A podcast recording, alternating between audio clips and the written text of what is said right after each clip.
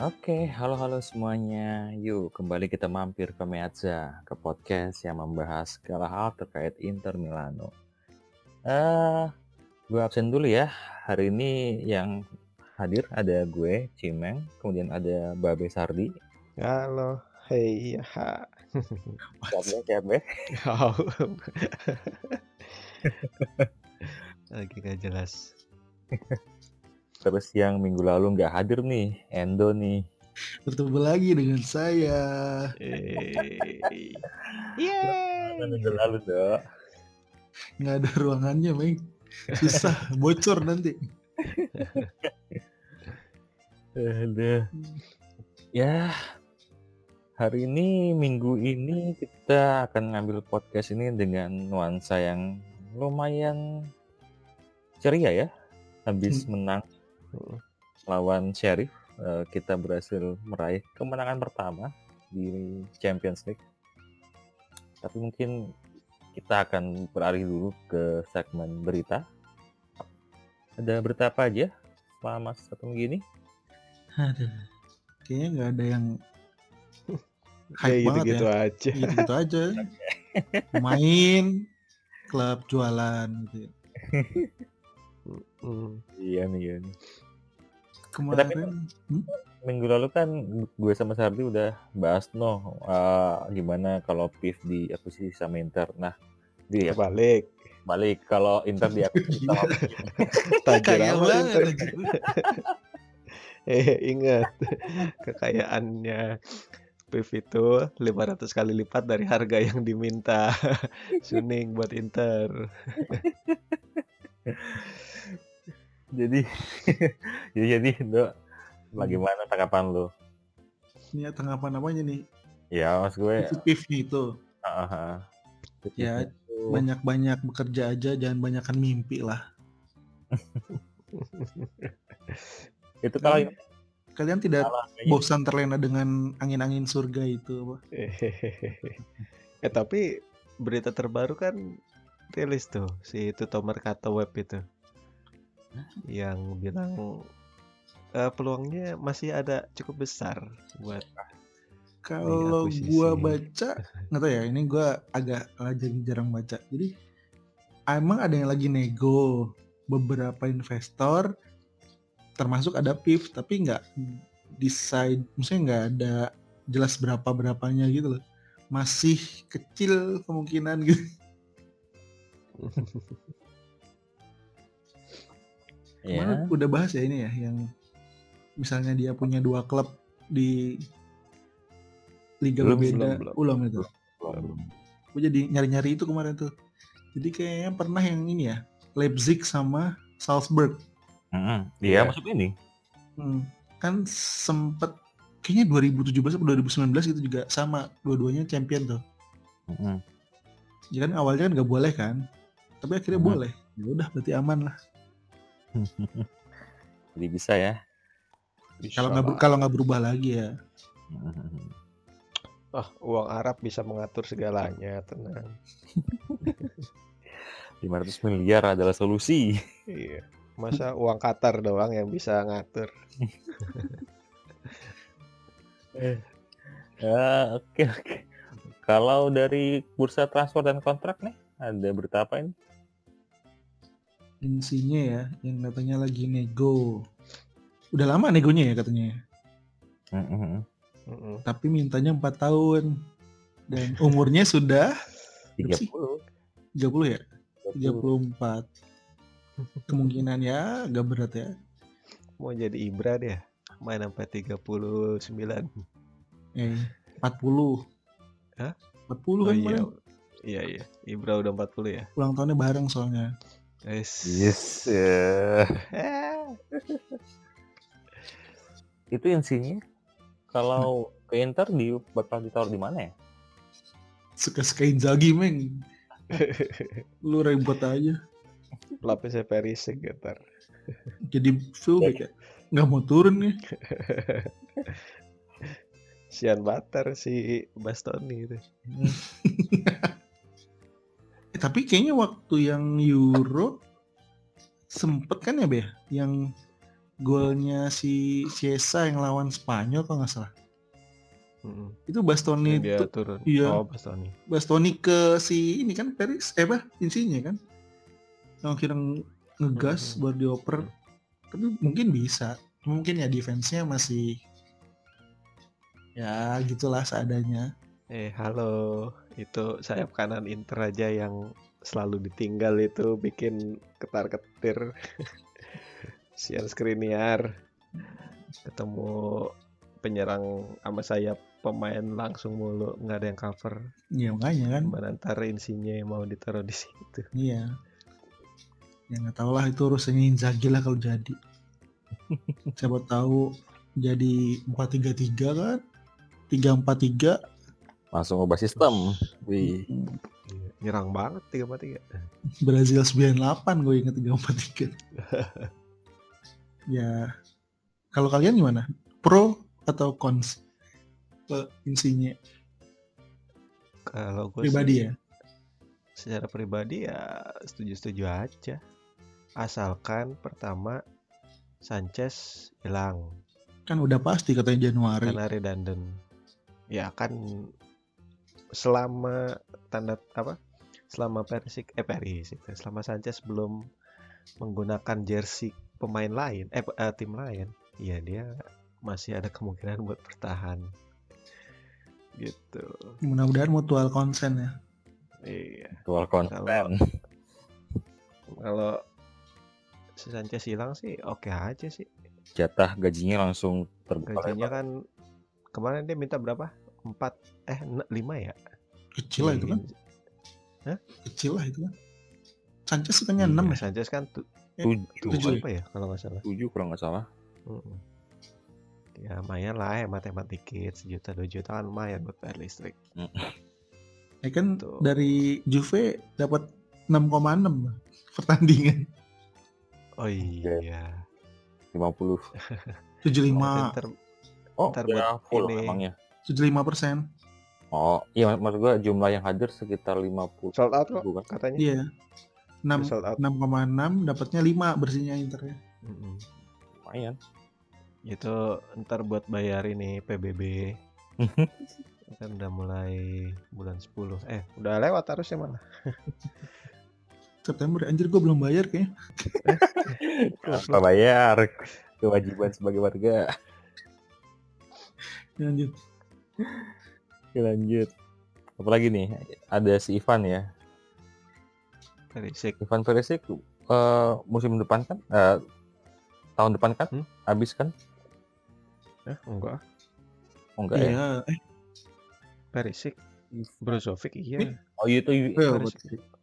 itu Brozo. Tapi menurut lo Ivan dengan penampilan yang kayak sekarang layak nggak untuk diberikan kontrak baru? layak sih layak lah menurut gua ya belum punya apa back kiri yang stabil terus di Marco juga kan kayaknya nggak tahu nih mau diperankan full di back tengah kiri atau mau ditaruh di sayap kirinya kan masih gonta ganti tuh. Belum ada pakemnya jadi ya masih butuh pemain yang stabil kayak Perisic sih Iya iya. iya. kalau menurut gua Emang ini sih Perisic yang gue suka tuh dia team player kan ya. Dia bisa berkontribusi dan mau mau ngasih ini apa sacrifice. Dia Mm-mm. mau loh diubah dari winger attacking winger diubah Conte jadi wingback. di full kalau Conte masih full back doang ya pas ini udah full back ofensif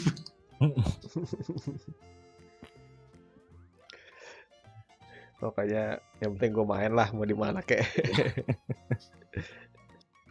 Terus terus ada apa lagi? Ada Brozo sama Brozo sama Bare masih lanjut kayaknya ya. Masih ya Hmm. biasalah bilang-bilang apa kontrak masih akan dilanjutkan. Kedua pihak sedang bernegosiasi. Ya, mungkin kita tunggu kabar berikutnya. Nah, ini nih ada berita yang lumayan menghebohkan jagat Ya, bola Inter. Dalam dua hari, dua hari ini ya Tiga. tiga hari ini ada sang mantan yang yang bikin heboh Mauro Icardi ada apa ini Kan kemarin udah, Hebohnya kenapa? Coba. eh, kemarin udah dibilang kan dia berusaha mengalihkan berita kekalahan Inter. Dia tuh Interista. Iya benar. Inter kalah kan, dia jadi ah gila dia harus dia alihkan. Ya udah gua Mm-mm. pura-pura menyebarkan berita bahwa gua putus. Terus rame deh. Hmm, Terus rame deh. Pakai drama pulang ke Milan dulu. Unfollow istrinya unfollow. Terus dia yang unfollow semua akun kecuali bininya. Terus menyimpan apa? Agen apa? Apa? Detektif detektif Oh, istrinya. si, si Wanda nyewa detektif buat buat membuntuti sama menghack HP-nya Icardi apa ya? Si itu udah kayak drama drama itu aja. Telenovela aja udah. Aduh. Hidupnya penuh sensasi dua orang ini. Tapi kalau dia mau balik ngasih clue hint-hint mau balik gimana nih? Setuju nggak? Ya kalau timnya ini timnya belum eh masih ada ya masih banyak ya. Ya butuh nomor 9 sih. Gua nggak tahu reaksi timnya gimana. Ada Perisik loh. Iya. Karisik Icardi ya. Iya. Perisik tuh Icardi. Tapi terakhir Perisik versus Icardi. Itu kenapa sih terakhir-terakhir sampai unfollow? Eh, dulu tuh Icardi nggak pernah eh Perisic nggak pernah nge-follow Icardi loh. dari dulu ya. Iya. Oh. Oh. Gila tuh. itu Kan dulu gara-garanya Wanda. Emang Makanya selek. gue nggak tahu itu. Lah yang itu di apa? Si Wanda ngomong di Tiki Taka kan? Ngomongnya apa? Kalau nggak salah nyinggung-nyinggung menyinggung-nyinggung apa ya waktu itu kalau nggak salah eh support buat Icardi di lapangan gitu. Hmm. Umpan segala macamnya kurang atau gimana gitu. Kalau nggak salah sih. Iya kayaknya sih Terus gitu. nyinggung si Perisik. Terus ya itu Perisiknya nggak terima. Seribet. Untung ada Marota. Kok? Hah? Oh, iya iya. Nah iya kan waktu itu langsung langsung ambil tindakan kan Marota itu Hmm, ya ya kalau si Icardi-nya udah tobat sih nggak apa-apa aja toh emang dia salah satu nomor 9 terbaik Dan available. nah itu tapi ya kalau misalnya tapi kalau ngelihat apa yang terjadi kemarin ya sampai dia kayak bucin banget ke Wanda kayaknya hmm, Susah ya, nggak susah ya. eh Nah itu sih. malas Kalau gue soalnya emang itu Sar. Faktor Wandanya itu yang bikin red flag banget lah itu. itu kalau di, di Twitter Iya. tuh Icardi dan Wanda itu langsung red flagnya berjajar tuh.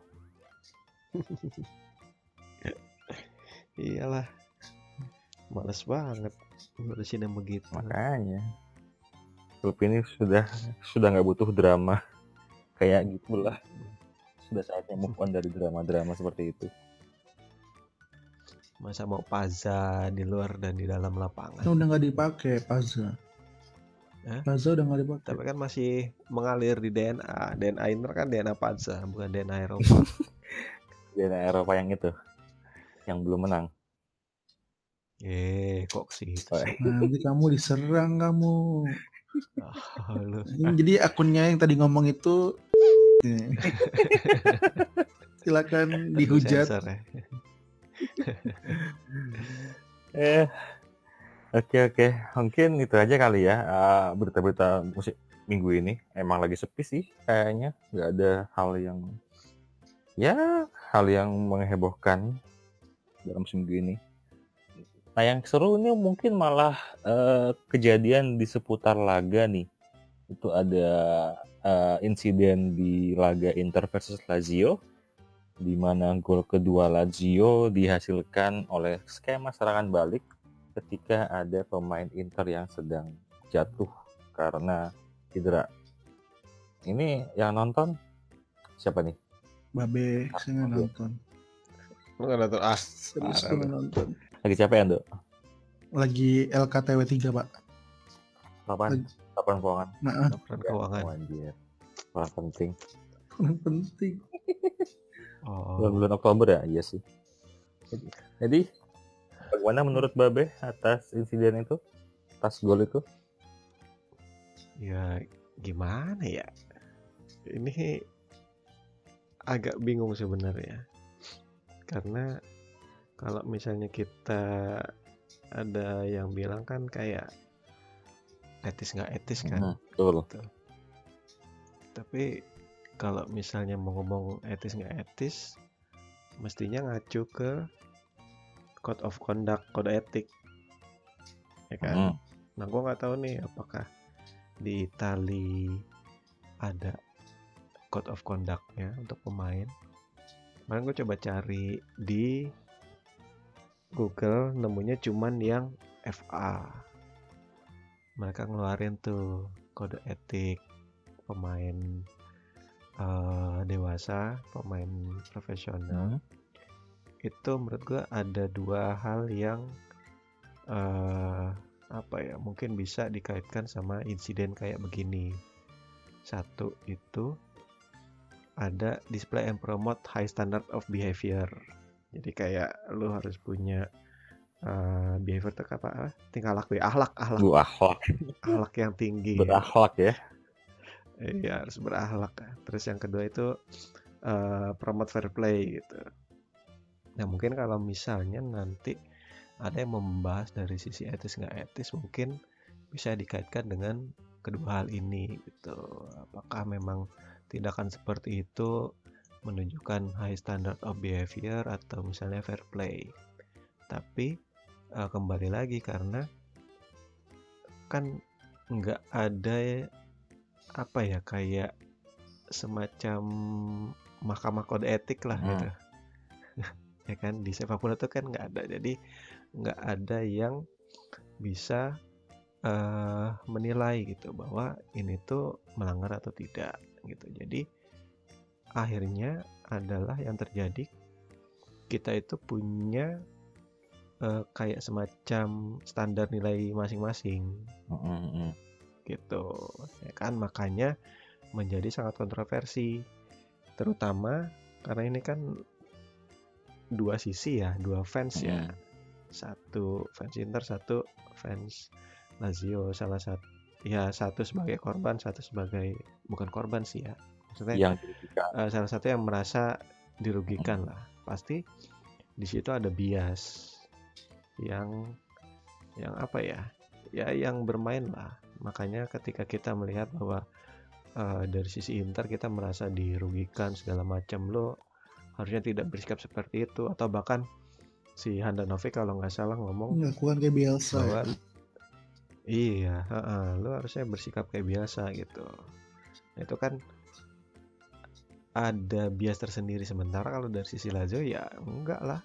Orang ketika si Di Marco kan ya kalau nggak salah yang jatuh itu itu si Lautaro masih lanjut main kok gitu. Kenapa nggak Lautaro yang buang gitu nah perdebatan itu segala macam akan apa ya menurut gue sangat bias sih.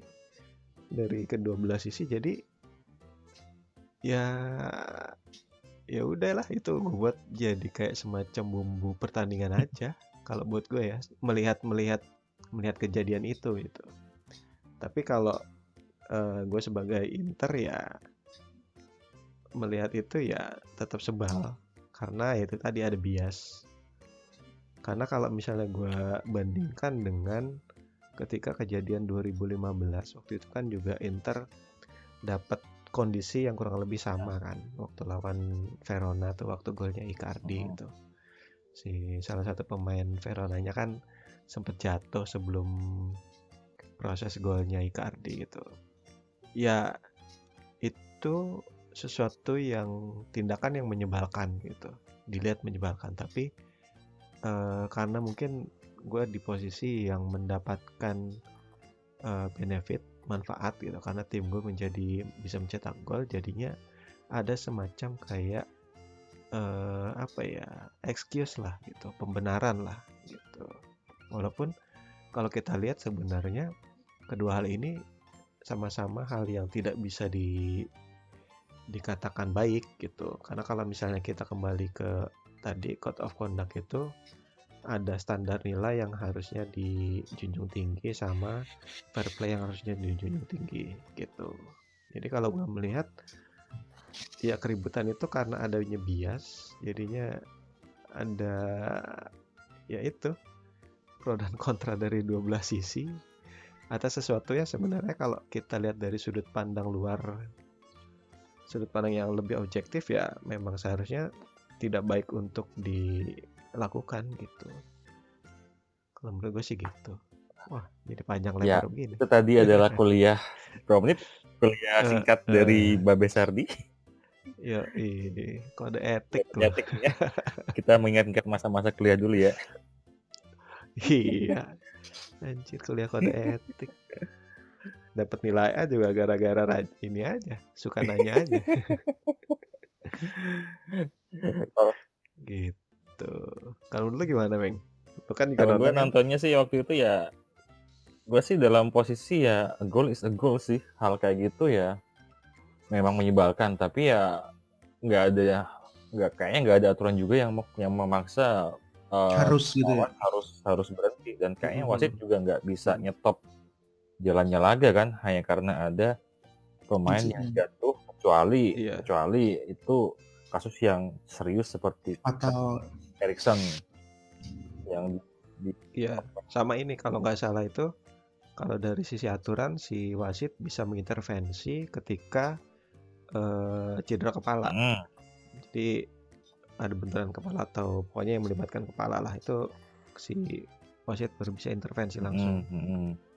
gitu. Dan dan gue sih pas di eh, ketika gol itu terjadi ya gue udah langsung wah ini udah kena mental nih udah udah Mhm. susah fokus susah Mm-mm. fokus itu Mm. soalnya kan sampai sebelum ada gol itu kayaknya kedua tim masih masih saling imbang deh masih saling menyerang saling mencoba membuka defense masing-masing gitu kan tapi ketika gol kedua itu ada ya udah udah hilang fokus apalagi itu udah di menit akhir kan 80-an kalau nggak salah itu dan itu udah susah tapi buat gue sih eh, lawan Lazio di away di kandangnya Lazio sih hasil seperti itu ya sudah di sudah bisa diprediksi lah. Bukan hal yang bikin gue sangat kecewa. Itu aja. Ya karena gue inget lo waktu prediksi kemarin imbang aja juga untuk. mengharapkannya imbang. Iya. Makanya. Sudahlah ya apa boleh buat dan untungnya ketika laga ngelawan Sheriff udah langsung menang. Eh. tapi ini sih tapi gua satu poin yang tadi lu omongin sih Meng soal eh, apa ya kena mental itu. Ya ketika insiden langsung Inter tuh udah udah kehilangan kayak udah ya, emosi udah iya kebawa emosi hilang akal segala macem Hmm. kan gitu nah ini sebenarnya kondisi yang yang menurut gue sangat sangat apa ya sangat tidak baik sih buat Inter kenapa? Karena akan banyak sekali kondisi-kondisi yang nuntut mental kayak gitu loh. Kayak misalnya bisa jadi ini nanti lawan Juve ini bakal banyak tuh yang kayak insiden gitu. Cuadrado sama Perisic. Ah apalagi ada Cuadrado kan pemain kesayangannya Endo nih yang suka main mental nih Bentar dulu penyakitnya kan gitu. Inter kurang pemain yang keras, Iya. yang mainin mental. Mm-mm. Ya enggak Nah, maksud, nah maksud gua ketika kalau misalnya melihat apa yang terjadi di eh, Lazio kemarin, kalau misalnya ini nggak diperbaiki ya gimana ya bisa jadi salah satu mm, kerugian sih buat Inter ketika nanti ketemu yang begitu terus, Mm, setuju sih karena eh, itu tadi belum lagi ini ada eh, Juve, belum lagi nanti ketemu Milan kan. Itu pasti syarat dengan emosi gitu. Belum lagi nanti ya bisa jadi ketemu Napoli sama Roma yang bisa jadi apa ya kayak saingan terdekat Mm. kan akan banyak kondisi-kondisi yang bikin mental itu eh, teruji gitu. Nah ini yang PR-nya Inzaghi lagi nih, gimana biar eh, pemain bisa tetap tenang ketika kondisi kayak gitu terjadi di lapangan gitu. Ya, ya. Idem, idem, idem. Idem, idem. Eh, dan juga nih yang lucu nih ada setelah itu setelah laga selesai ya, tahu-tahu ada kartu merah melayang untuk Luis Felipe. Itu gue asli nggak nonton soalnya. Soalnya gue ketika udah gol ketiga, gue udah ya udahlah, Udah lah. gue tidur, udah nggak bisa, udah nggak bisa apa-apa. Ya, Terus besoknya pas gue ngecek ke timeline kok ada Luis Felipe nangis, ada apa ini? Tuh, itu kenapa sih? ya, ya gimana ya? Jadi kalau kejadiannya kan tahu-tahu sih Luis Felipe tuh nomplok Nomplok. si Korea kan. Ya kan nomplok kan. Gitu. Terus Korea dalam kondisi yang Emosi. emosi mm-mm, kayak terprovokasi jadi merasa nggak terima digituin. Makanya mungkin itu dianggap sebagai sebuah provokasi tindakan provokasi gitu. Makanya ya mungkin karena itu diganjar jadi kartu merah. Karena ya kalau lu lihat videonya sih ekspresinya si Luis Felipe kan seneng kan karena ya karena menang Hmm. gitu. Terus ya Koreanya juga lagi lagi berduka karena kalah kesel. Ya mungkin menurut gue salah timing aja sih si Felipe. Mungkin si Felipe-nya lagi itu ya, jadi eh, belum ingat kalau si Korea udah ganti tim ya. Ya mungkin Cuma dia sama Tuhan yang tahu Meng maksudnya. iya Ya, ya ya gitu lah makanya mungkin karena itu tadi mungkin salah timing kali itu orang orang lagi berduka lu iya, gituin betul, kan betul, betul. siapa yang gak emosi Ya, jadi timing itu penting ya, kawan-kawan ya. Kita harus Hmm. soalnya kan katanya kan memang mereka berdua sebenarnya teman Mm-mm. dekat kan ada makanya setelah kejadian itu langsung pada ada foto-fotonya kan Langsung lebaran. iya Heeh, Langsung langsung mulai. lebaran. dari nol lagi ya. Gitu. Mm-mm. Disponsori oleh Pertamina. asik kapan nih sponsor Ngimpi. Pret. Eh, ya oke. itu tadi eh, tentang Inter Lazio ya. Sekarang kita pindah ke Hmm. kemenangan pertama Inter Milan di Champions League musim ini. Melawan tim yang menjadi kuda hitam di grup D yang berhasil melibas Madrid dan Shakhtar dengan dua gol ya mah lawan Shakhtar dua lawan Madrid dua nggak sih? Dan dan belum pernah bobol kayaknya di Champions League. Hmm. iya. eh udah. apa? Shakhtar Shakhtar 2-0. Madrid juga dua kosong oh Madrid Madrid 2-1 2-1 kan ya? benar. Oh iya, ah. satu. Nah, akhirnya Inter nih berhasil mengalahkan Shakhtar. Eh, Shakhtar. Berhasil mengalahkan Sheriff. Berhasil mengalahkan Sheriff Tiraspol dengan skor 3-1. Ini gue nonton nih. Ya, seneng sih gue ngelihat jalannya laga karena Inter sangat menguasai dan itu sebenarnya sudah bisa diprediksi sih. Shakhtar Sheriff kan ketika melawan Shakhtar dan Madrid juga mereka cuma 25 ball possession 25% kan ball possession. Dan hal yang sama juga terulang di laga kemarin di mana Inter juga menguasai bola sebanyak 75% dan menciptakan peluang nih yang banyak banget 8 on, shoot on target 29 tembakan. Hmm, mungkin Sardi ada ada uh, tanggapan Endo, Endo kan ada tanda. dikit. oke ya Ya udah Nando dulu lah, Mas. Gue udah panjang Ya lebar tadi. Apa ya? Ya, menurut gue di situ ya agak lepas aja mainnya. Kayak emang tim ofensif yang sudah superior gitu kesannya. Untung yang pas kan golnya lumayan ya, menit 33 dibalas untung nggak gitu panik sih. Jadi ya selamat menikmati gitu kan kemenangan pertama. Dan dapat 4 poin ya masih ada harapan lah. Nggak kayak DNA Eropa itu. Eh, tadi gua di dimarahin bahas itu. Iya, itu banyak banget Ini akun Twitternya ini ya. Atau itu Twitternya? banyak banget. At- Shootnya banyak banget itu asli menikmati banget lah kayaknya Mm-mm. mainnya waktu itu dari sisi Ya, ofensif ya. Tuh. Dari sisi defense ini yang gua agak deg-degan nih, bener-bener nih. Kayaknya gampang banget di counter. iya Itu iya kayak gampang gampang banget di counter kan. Inter tuh dengan dengan pola Mhm. main yang sekarang. Iya, sama problem dari dulu sih ya nggak hilang-hilang ya Beh ya. Back-back kita tuh lambat. Ketemu lawan yang counter cepet tuh PR harus didouble dulu. Nah itu masalahnya apa kalau masalah back back lambat sih menurut gua ya emang udah udah itulah ya udah apa sih istilahnya udah sifatnya lah ya.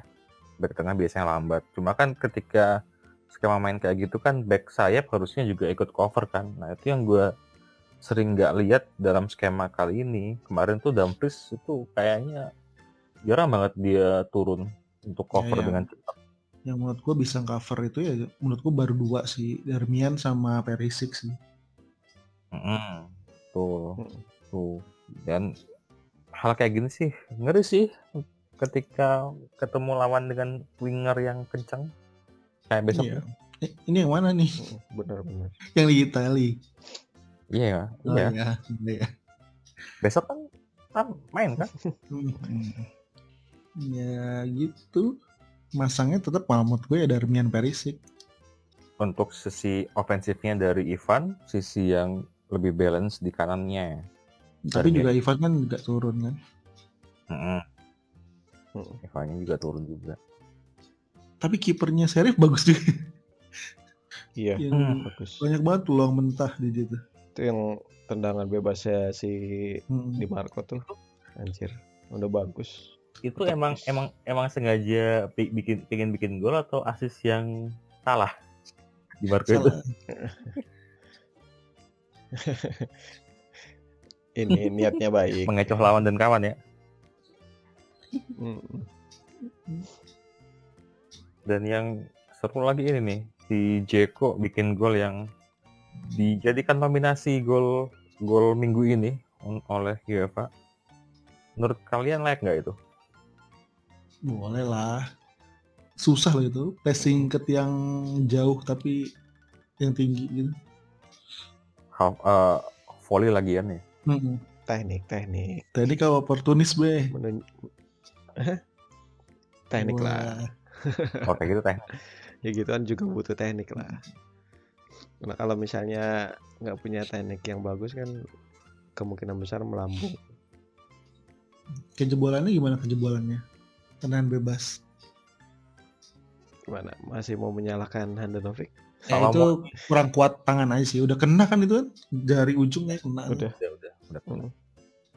Tapi juga bisa diitu lagi do. Itu si Handa yang ini apa? Yang telat telat diving gitu katanya. Hmm, Kalau Ini Anda punya menurut gue sih enggak. punya agenda apa ini? Kalau menurut gue emang kayaknya Handa posisinya enaknya gitu. Makanya dia ngambilnya kan agak jauh. Tapi tendang arah tendangannya juga aneh loh kalau lu lihat. Dia ngambilnya dari kanan kan. Terus lurus ke Wah, ini orang tendangannya kenceng banget katanya. Tapi emang itu gol free kick yang bagus sih itu. Iya. Pojok gitu kan. Susah emang Iya. susah. Hmm. Masih Ya, untungnya Inter. buat bola. Ya masih aman lah hitungannya. Hmm. Nah, eh, yang tadi kan gua bahas masalah sisi defense Inter kan yang sepertinya terbuka lebar untuk di counter kan. Menurut kalian pernah nggak sih eh, Inter di bawah Simone menunjukkan penampilan yang solid dalam defense? Belum ya kalau buat gue. Ya solidnya gimana ya? Karena kalau misalnya dilihat taruhlah kayak waktu lawan Genoa gitu Hmm. kan. Terbilang solid karena memang nggak banyak. Serangan. Mm, Iya. gitu. Iya maksudnya Inter mengadopsi ini kali ya pertahanan yang terbaik adalah menyerang kan Mm-mm. gitu kayaknya ya dengan menyerang lebih banyak sehingga apa pertahanannya nggak banyak diserang gitu Ini yang bikin gue agak ngeri sih soalnya Inter belum bisa clean sheet loh setelah lawan Genoa. Clean sheet dan paling cuma lawan Shakhtar yang imbang 0-0 Hmm. itu doang. Sisanya pasti ada gol yang bersarang. Ya mungkin dia mungkin Simone ini be mengakomodasi kalau anda kejebolan dua, anda jebolin lebih banyak, anda tetap menang gitu. prinsipnya gitu ya Terus lebih terbaik. Itu sering saya lihat itu di lini masa itu itu kayaknya udah udah jadi ungkapan Template. template tuh benar-benar. Ya gimana ya kan udah kayak udah dibahas di episode-episode dulu ada yang kita bahas gaya main kan. Ya Mm-mm. konsekuensinya ya itu. Iya. Iya sih. Dan betul. Babe juga pernah bilang kan emang PR-nya ya gimana jaga balance. Nggak cuma lo golin banyak gitu kan. Nanti ketika lo buntu, lo nggak punya defense ya kelar juga. Tapi kalau lihat sampai saat ini udah belajar belum Simeone Simonenya? Ah, gimana ya? Gue ngeliat juga ini gue nggak tahu nih apakah emang instruksinya Simon seperti itu. Cuma back back sayap itu jarang yang apa ya jarang track backnya itu agak telat gitu loh. Ya beda juga sih ya. Ya mungkin ya mungkin si- siapa? Conte sama Simone kan Simone. Conte sama Simone kan beda kan. Terus Iya, juga- iya Dumfries juga memang kalau lu kita nggak tahu ya. Gua sih baru lihat di Euro ya dia kan emang ofensif. Si Di Marco juga kan sempat jadi sayap ya, bukan fullback kan. Mm-mm. Ya, terus ya kita kehilangan Ashley Young yang istilahnya nurutan. Hakimi juga yang sebenarnya ofensif tapi akhirnya nurut gitu kan ya. Gitulah hasilnya Hmm. dan kayaknya agak lebih bebas kan ya maksudnya sekarang nggak terkotak-kotak kan. Kalau dulu maju dikit turun-turun. Eh. Kalau sekarang kan kayaknya udah ngalir aja gitu. Kalau kita lihatnya. Iya. Gua ngeliat si Brozovic sempet mulai serangan dari sayap loh. Bastoni aja sering banget di depan. Makanya. Makanya. Ini yang ngeri nih untuk di laga besok ini eh, ada lawan Cuadrado sama Chiesa nih. Dua pemain yang punya kecepatan tinggi. Berat. Berat ini ya. Gimana nih? Eh ini kalian ak- akan Juve Inter nih. Inter Juve besok di kandang. Juve Inter apa Inter Juve sih? Inter Juve. Kan di kandang. Juve. Dapat Iya. dapat 5 juta setengah. Oh iya, 6, hmm. Hmm. Ya, itu itu lagi lah tetap yang harus diwaspadai. Desa- Mental. Desa dan lagi naik daun kan, Cuadrado yang selalu merepotkan. Ya sama satu lagi sih, Kian ini loh, Moiskin. Moiskin. Kalau menurut gue Oh, Moiskin. itu the right man on the right place gitu. Jadi ketika lu Iya. menjaga pemain-pemain yang lain, nanti dia nemu gitu lah. Lucknya emang gede banget nih orang. Dan Dia kayak itu berarti. Kayak kayak si Thomas Miller. Tom Ya, mungkin Betul. kalau menurut gue kayak gitulah. Dan oportunis banget golnya tuh kadang-kadang suka-suka aneh gitu. Dan kadang selebrasinya juga ngeselin gitu. Jadi kadang dan kepancing. iya makanya hati-hati Ya, lagi peran ya peran inilah kaptennya bisa ngadem-ngademin timnya. Hmm. Ini kalian ada yang udah pernah nonton Juve nggak sih? Gue nonton yang apa ya? Yang masih kalah tapi. Sama gue juga nonton di di awal-awal musim. Masih kalah-kalah terus gue gua skip. Tapi kalau dilihat juga kayak ti- belum terlalu istimewa biarpun udah menangan ya.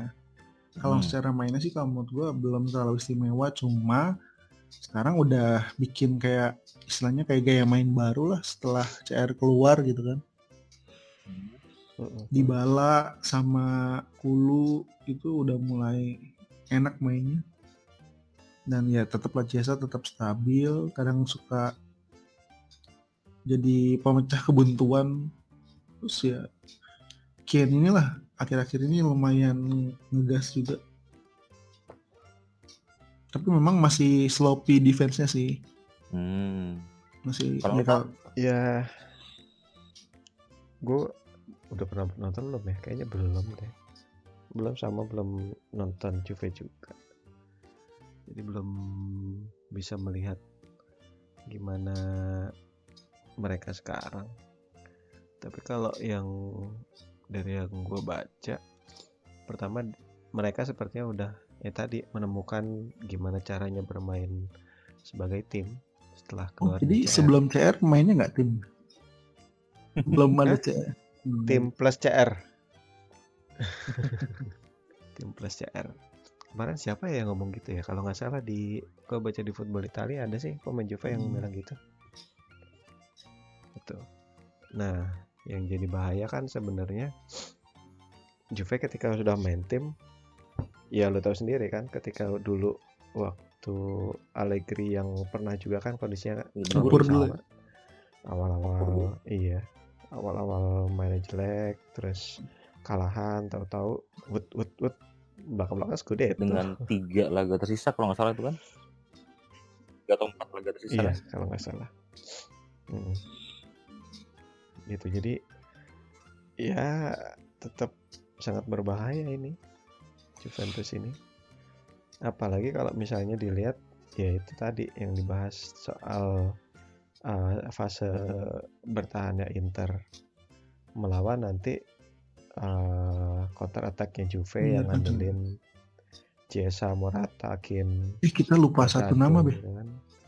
Locatelli. Siapa? Oh iya Locatelli. Oh, ntar ini eh ribut sama Barella. Bukan lagi. Timpukan lagi ntar. Nggak bisa bercanda banget, bocah. iya. Iyalah kaku banget orang. Jauh mainnya. Mm, Entah ya makanya ntar ketemu Brozovic juga kan. Dikerjain ntar. ya.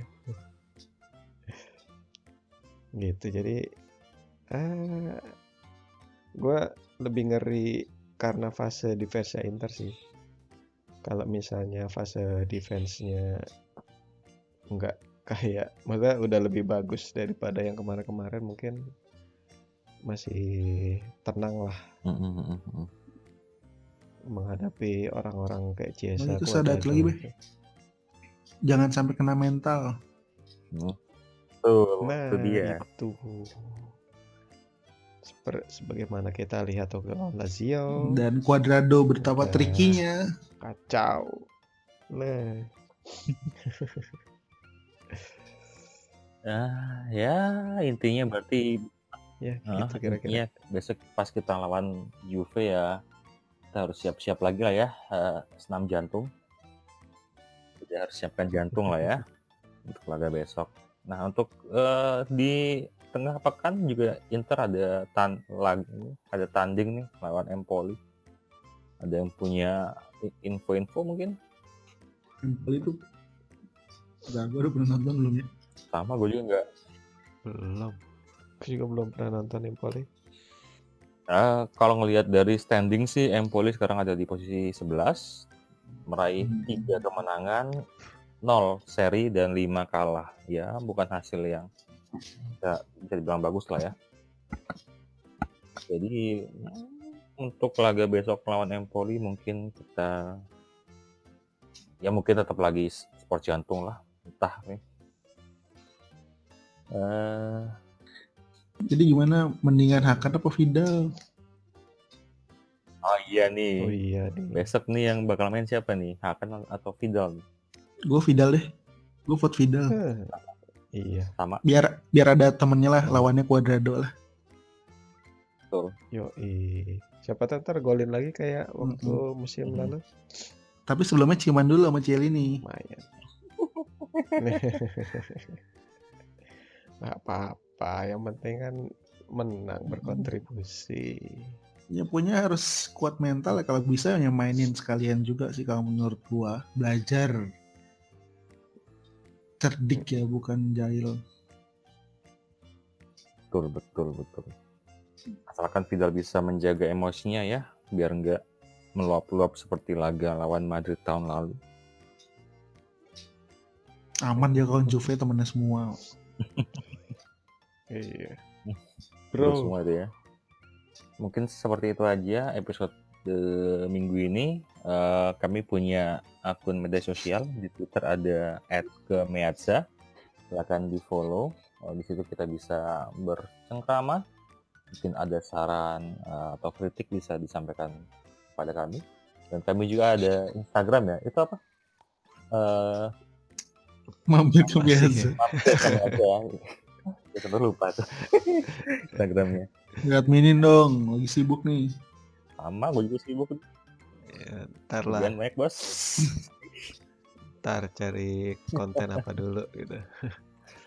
ya, itu saja untuk episode minggu ini.